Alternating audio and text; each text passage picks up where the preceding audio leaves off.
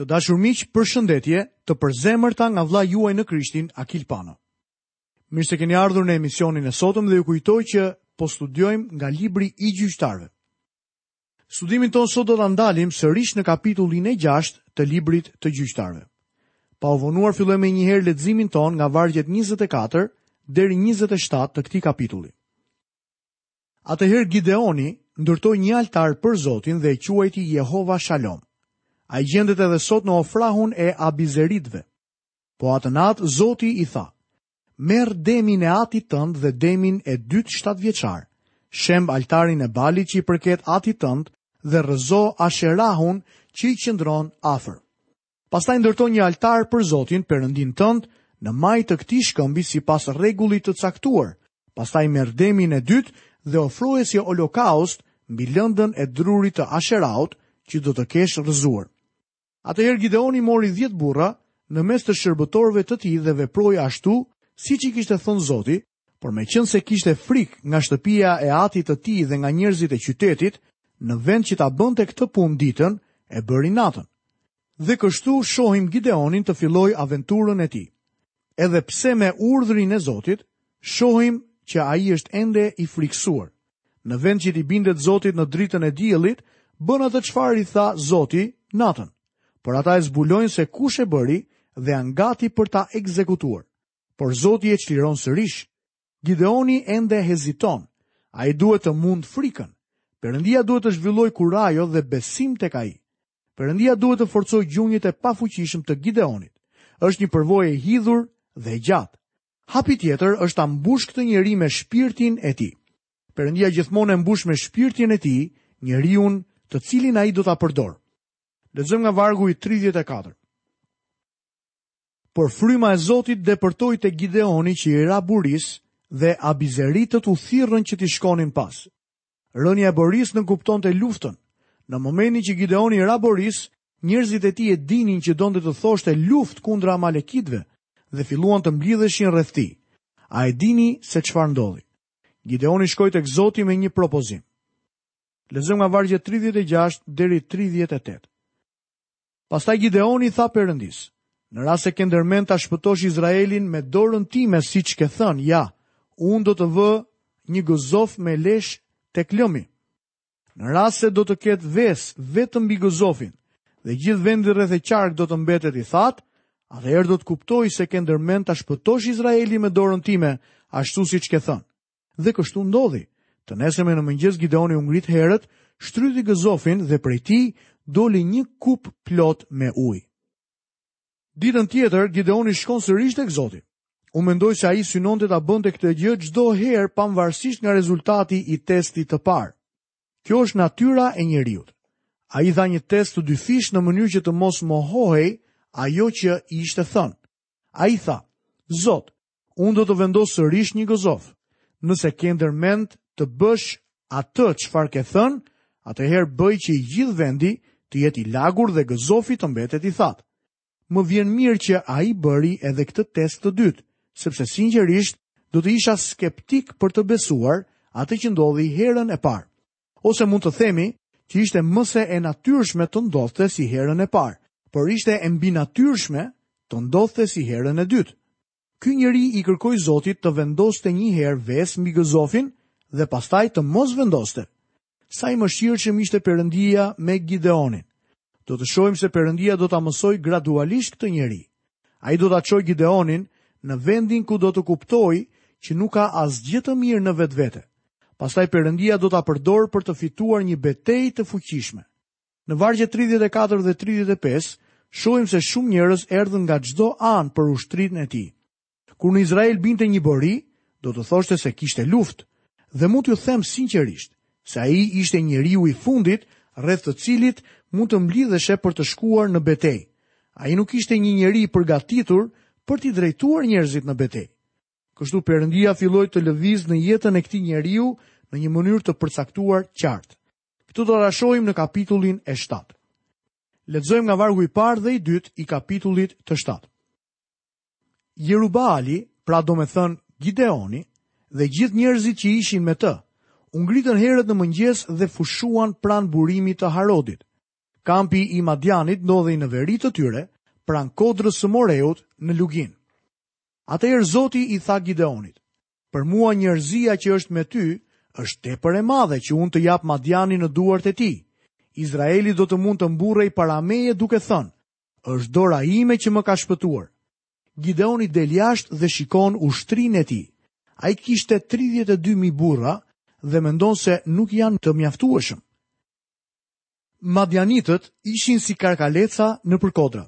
Ishin të keqorganizuar, por me siguri ia kalonin në numër Izraelit. Për shkak se kishte vetëm pak njerëz, ai ishte gati t'i binte sërish borisë. Por Zoti i tha Gideonit: ti ke shumë njerëz, nuk mund të të jap fitore me 32.000 njerëz, sepse kështu do të mburreshit dhe do të thoshit se e bëtë me forcën dhe fuqinë tuaj betejën. Asnjë mish nuk do të lavdërohet në prezencën e Zotit. Kjo është arsyeja pse Zoti përdor instrumenta të dobët. Kjo është dhe metoda e tij. Ai vazhdon të ndjekë këtë metodë. Ai do ta zvogëlojë numrin e ushtrisë. Lexojmë poshtë vargun e tretë. Prandaj shpalli tërë popullit duke i thënë. Ai që ka frikë dhe dridhet, le të kthehet prapa dhe të largohet nga mali i Galadit. Atëherë u kthyen prapa 22.000 burra dhe mbetën në vend 10.000. A e dini se çfarë kemi këtu? Është një nga mësimet më të mira në lidhje me zgjedhjen hyjnore dhe vullnetin e lirë të njeriut. Kjo është mënyra se si funksionojnë së bashku. Perëndia i tha Gideonit: Unë do t'i zgjedh njerëzit që dua që të vijnë me ty. Por do ta bëj këtë në një mënyrë që të jenë ata që të zgjedhin. Çoji poshtë tek ujë dhe ata që do të lëpijnë ujin si qen, duke e çuar në gojë me dorë, do të jenë ata që kam zgjedhur për të luftuar së bashku me ty. Ndërsa të gjithë njerëzit që do të gjunjëzohen për të pirë ujë, mund t'i dërgosh në shtëpi, sepse unë nuk i dua. Nëse do të kishim qenë atje, do të kishim bërë intervista me luftëtarët e ushtrisë së Gideonit. Për shembull, le të marrim një njeri i cili u përul për të pirë ujë. Ne do të shkojmë tek ai dhe do të pyesim, Vëlla, pse re në gjunjë për të pirë ujë? Ai do të përgjigjej, Po pyesja veten, pse nuk shkova në shtëpi së bashku me turmën që u largua? Po mendoja për këtë gjë, sepse kisha një grua, një familje dhe në të vërtetë nuk mendoj se duhet të jem këtu. Mendoj se duhet të kisha shkuar në shtëpi. Nuk kam zemër për këtë punë. Ai bëri zgjedhjen e tij, por edhe Zoti bëri zgjedhjen e tij gjithashtu. Kjo është zgjedhja hyjnore dhe vullneti i lirë i njeriut.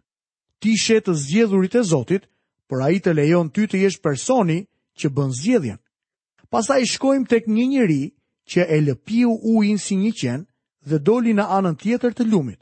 Nëse do ta pyesim, pse e lëpive ujin në atë mënyrë? Ai do të përgjigjej, ku janë madjanitët? Po përse veprove në këtë mënyrë? Do të vazhdonim ne. Ai do të thoshte, sepse jam 100% me Gideonin. Mund t'ju them se këta 300 burra kishin zemër për të luftuar. Nëse do t'i kishe thënë njërit prej tyre, a e di që Perëndia të ka zgjedhur pikërisht ty, Ai do të ishte përgjigjur. Nuk e di se për çfarë e ke fjalën. E vetmja gjë që dua të bëj është të shkoj pas madjanitëve. Ju mund të diskutoni për zgjedhjen hyjnore dhe vullnetin e lirë sa të doni, por ato funksionojnë. Ti nuk mund ta bësh të funksionojë duke sjellë prova, por ato funksionojnë në jetë. Gjithsecili nga 10.000 burrat në ushtrinë e Gideonit ushtroi vullnetin e tij të lirë. Perëndia nuk ndërhyri në vullnetin e lirë të asnjërit prej tyre. Sot Perëndia, nëpërmjet Birit të Tij Jezu Krishtit, të ofron ty dhuratën e shpëtimit. Ajo është një ofertë e arsyeshme, e lirë, falas për ty. Është oferta e sinqertë që vjen nga vetë Perëndia. Ai tha: Gjithçka që më jep Ati, do të vijë tek unë, dhe atë që vjen tek unë, unë nuk do ta nxjerr jashtë kurrë. Mos më thoni se nuk mund të sillni argumenta për zgjedhjen, në këto momente. Ti nuk mund të sjellësh asnjë argument. Ti mund të vish tek Zoti nëse dëshiron. Nëse nuk vjen, kam një lajm për ty. Ti nuk u zgjodhe. Nëse vjen, kam një lajm të mirë për ty. Ti u zgjodhe. Perëndia lëviz në këtë mënyrë. Këta 300 burra janë keqkuptuar shpesh. Një herë ndërsa po shihja një ndeshje futbolli, dëgjova intervistën e qendërmbrojtësit të një skuadre. Edhe pas ndeshjes ai ishte kaq i emocionuar dhe i ngazëllyer njëkohësisht saqë nuk i dha vetes së tij asnjë lloj forme lavdie. Ai ia dedikoi fitoren skuadrës së tij duke thënë, Ne ishim të paracaktuar për të fituar. Kjo ishte banda e Gideonit dhe pikërisht njerëz të tillë i duhen kishës edhe sot. Lexojmë nga kapitulli 7, vargjet 10 deri 14. Por në rast se ke frikë ta bësh, zbrit në kamp me Purahun, shërbëtorin tënd, dhe do të dëgjosh çfarë thonë. Mbas kësaj duart e tua do të forcohen dhe do të jesh në gjendje të sulmosh kampin. Ai zbriti pra deri në pozicionet e përparuara të kampit bashkë me Purahun, shërbëtorin e tij. Por Madianitët, Amalekitët, dhe tërë bijtë e lindjes ishin shpërndarë në luginë si një mori karkalecash dhe devet e tyre të panumërta ishin si rëra që ndodhet mbi bregun e detit. Kur arriti Gideoni, një burrë po i tregonte një shoku të vet një ëndërr që kishte parë dhe thoshte, Sapo pashë një ëndërr, më dukej sikur kisha përpara një bukë prej elbi që rrokullisej në drejtim të kampit të Madianit. Arrinte në çadër dhe e godiste duke e përmbysur dhe duke e rrëzuar. Atëherë shoku i tij iu përgjigj dhe i tha: Kjo nuk është tjetër veçse shpata e Gideonit, birit të Joashit, burrë i Izraelit. Në duart e tij Perëndia e ka lënë Madianin dhe tërë kampin. Ky ishte mësimi përfundimtar i Gideonit përpara se të shkonte në betejë.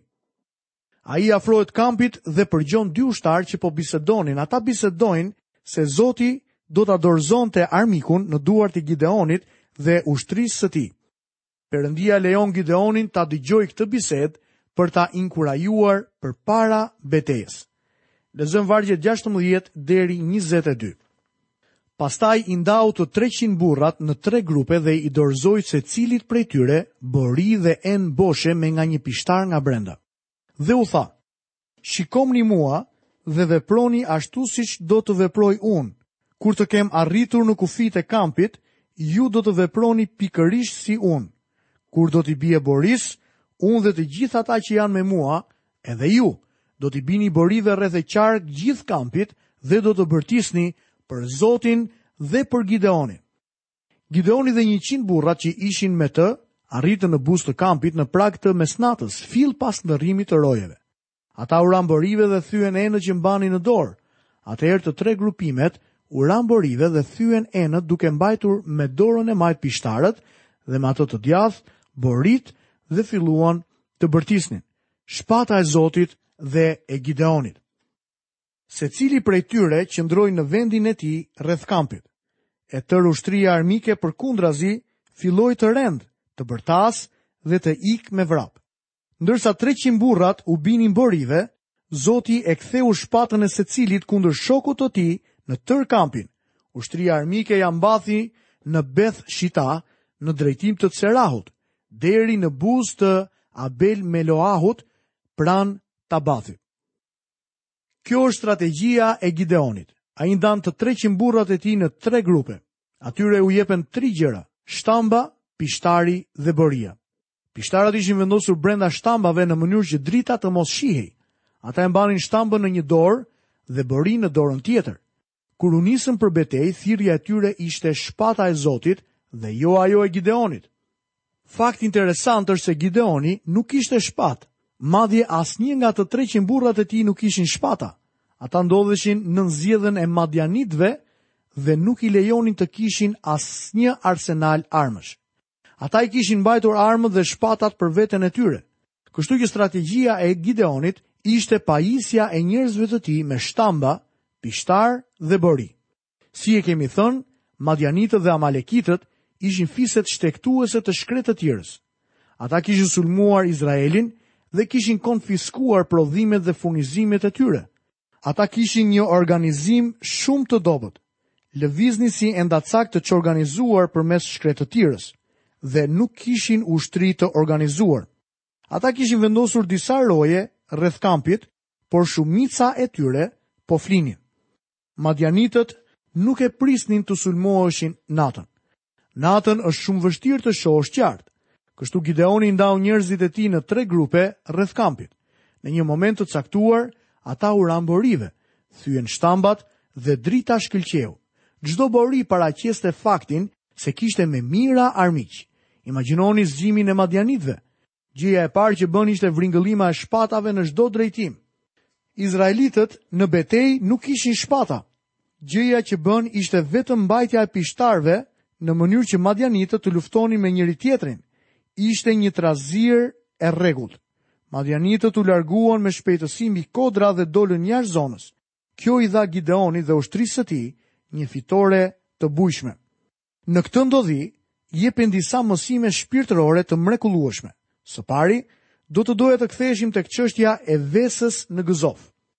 Ne kemi nevojë që Zoti të bëjë një punë të brendshme dekoruese në jetën tonë. Ne duhet t'i kërkojmë atij një vesë në jetën tonë jopjellore. Tek Osea katërmbëdhjetë dhe vargu i pestë, Zoti thotë, Do të jem si vesa për Izraelin, dhe ai do të lulëzojë si zambaku dhe do t'i zgjasë rrënjët e tij në thellësi si kedrat e Libanit. Perëndia flet për këtë subjekt shumë herë. Për sa i përket Jozefit, ai tha, Vendi i tij qoftë i bekuar nga Zoti me dhurata të çmueshme të qiellit, me vesën, me ujërat e humnerës që ndodhen poshtë. Ne kemi nevojë për vesën e Zotit që t'i sjellë pastërti jetëve tona. Apostulli Pjetër tek letra e tij e dytë në kapitullin e 3 dhe vargun e 14 na tregon. Prandaj o shumë të dashur, duke i pritur këto gjëra, përpiquni të jeni përpara tij të papërlyer dhe të paqortueshëm në paqe, Ja se për çfarë kemi nevojë sot. Perëndia përdor vetëm një enë të pastër, sepse është shkruar, jini të shenjtë, sepse unë jam i shenjtë. Perëndia na thotë, duke i pasur këto premtime o të dashur, le ta pastrojmë veten nga çdo ndotje e mishit dhe e frymës dhe ta përfundojmë shenjtërimin tonë në druajtjen e Perëndisë. Çfarë pamje dhe mësimi të mrekullueshëm që kemi. Tani le të shohim një mësim tjetër shpirtëror në lidhje me shtambat. Dhe ne kemi këtë thesar në enë prej balte. 2 Korintasit 4 vargu 7. Ato enë prej balte përfaqësonin trupat e besimtarëve. Pikërisht këtë gjë ka pasur ndër mend Pali kur tha: O vëllezër, po ju bëj thirrje nëpërmjet dhembshurisë së Perëndisë, ta paraqisni trupin tuaj si fli të gjallë, të shenjtëruar të pëlqyer tek Perëndia që është shërbesa juaj e mençur. Kjo është arsyeja pse nuk duhet të lavdërojmë njeriun. Pali thotë, prandaj asnjë të mos mburret në njerëzit. Kjo është ena prej balte. Ne kemi këtë thesar në enë prej balte, shtambën. Disa prej nesh nuk janë thyer dhe si rezultat, drita nuk ndriçon.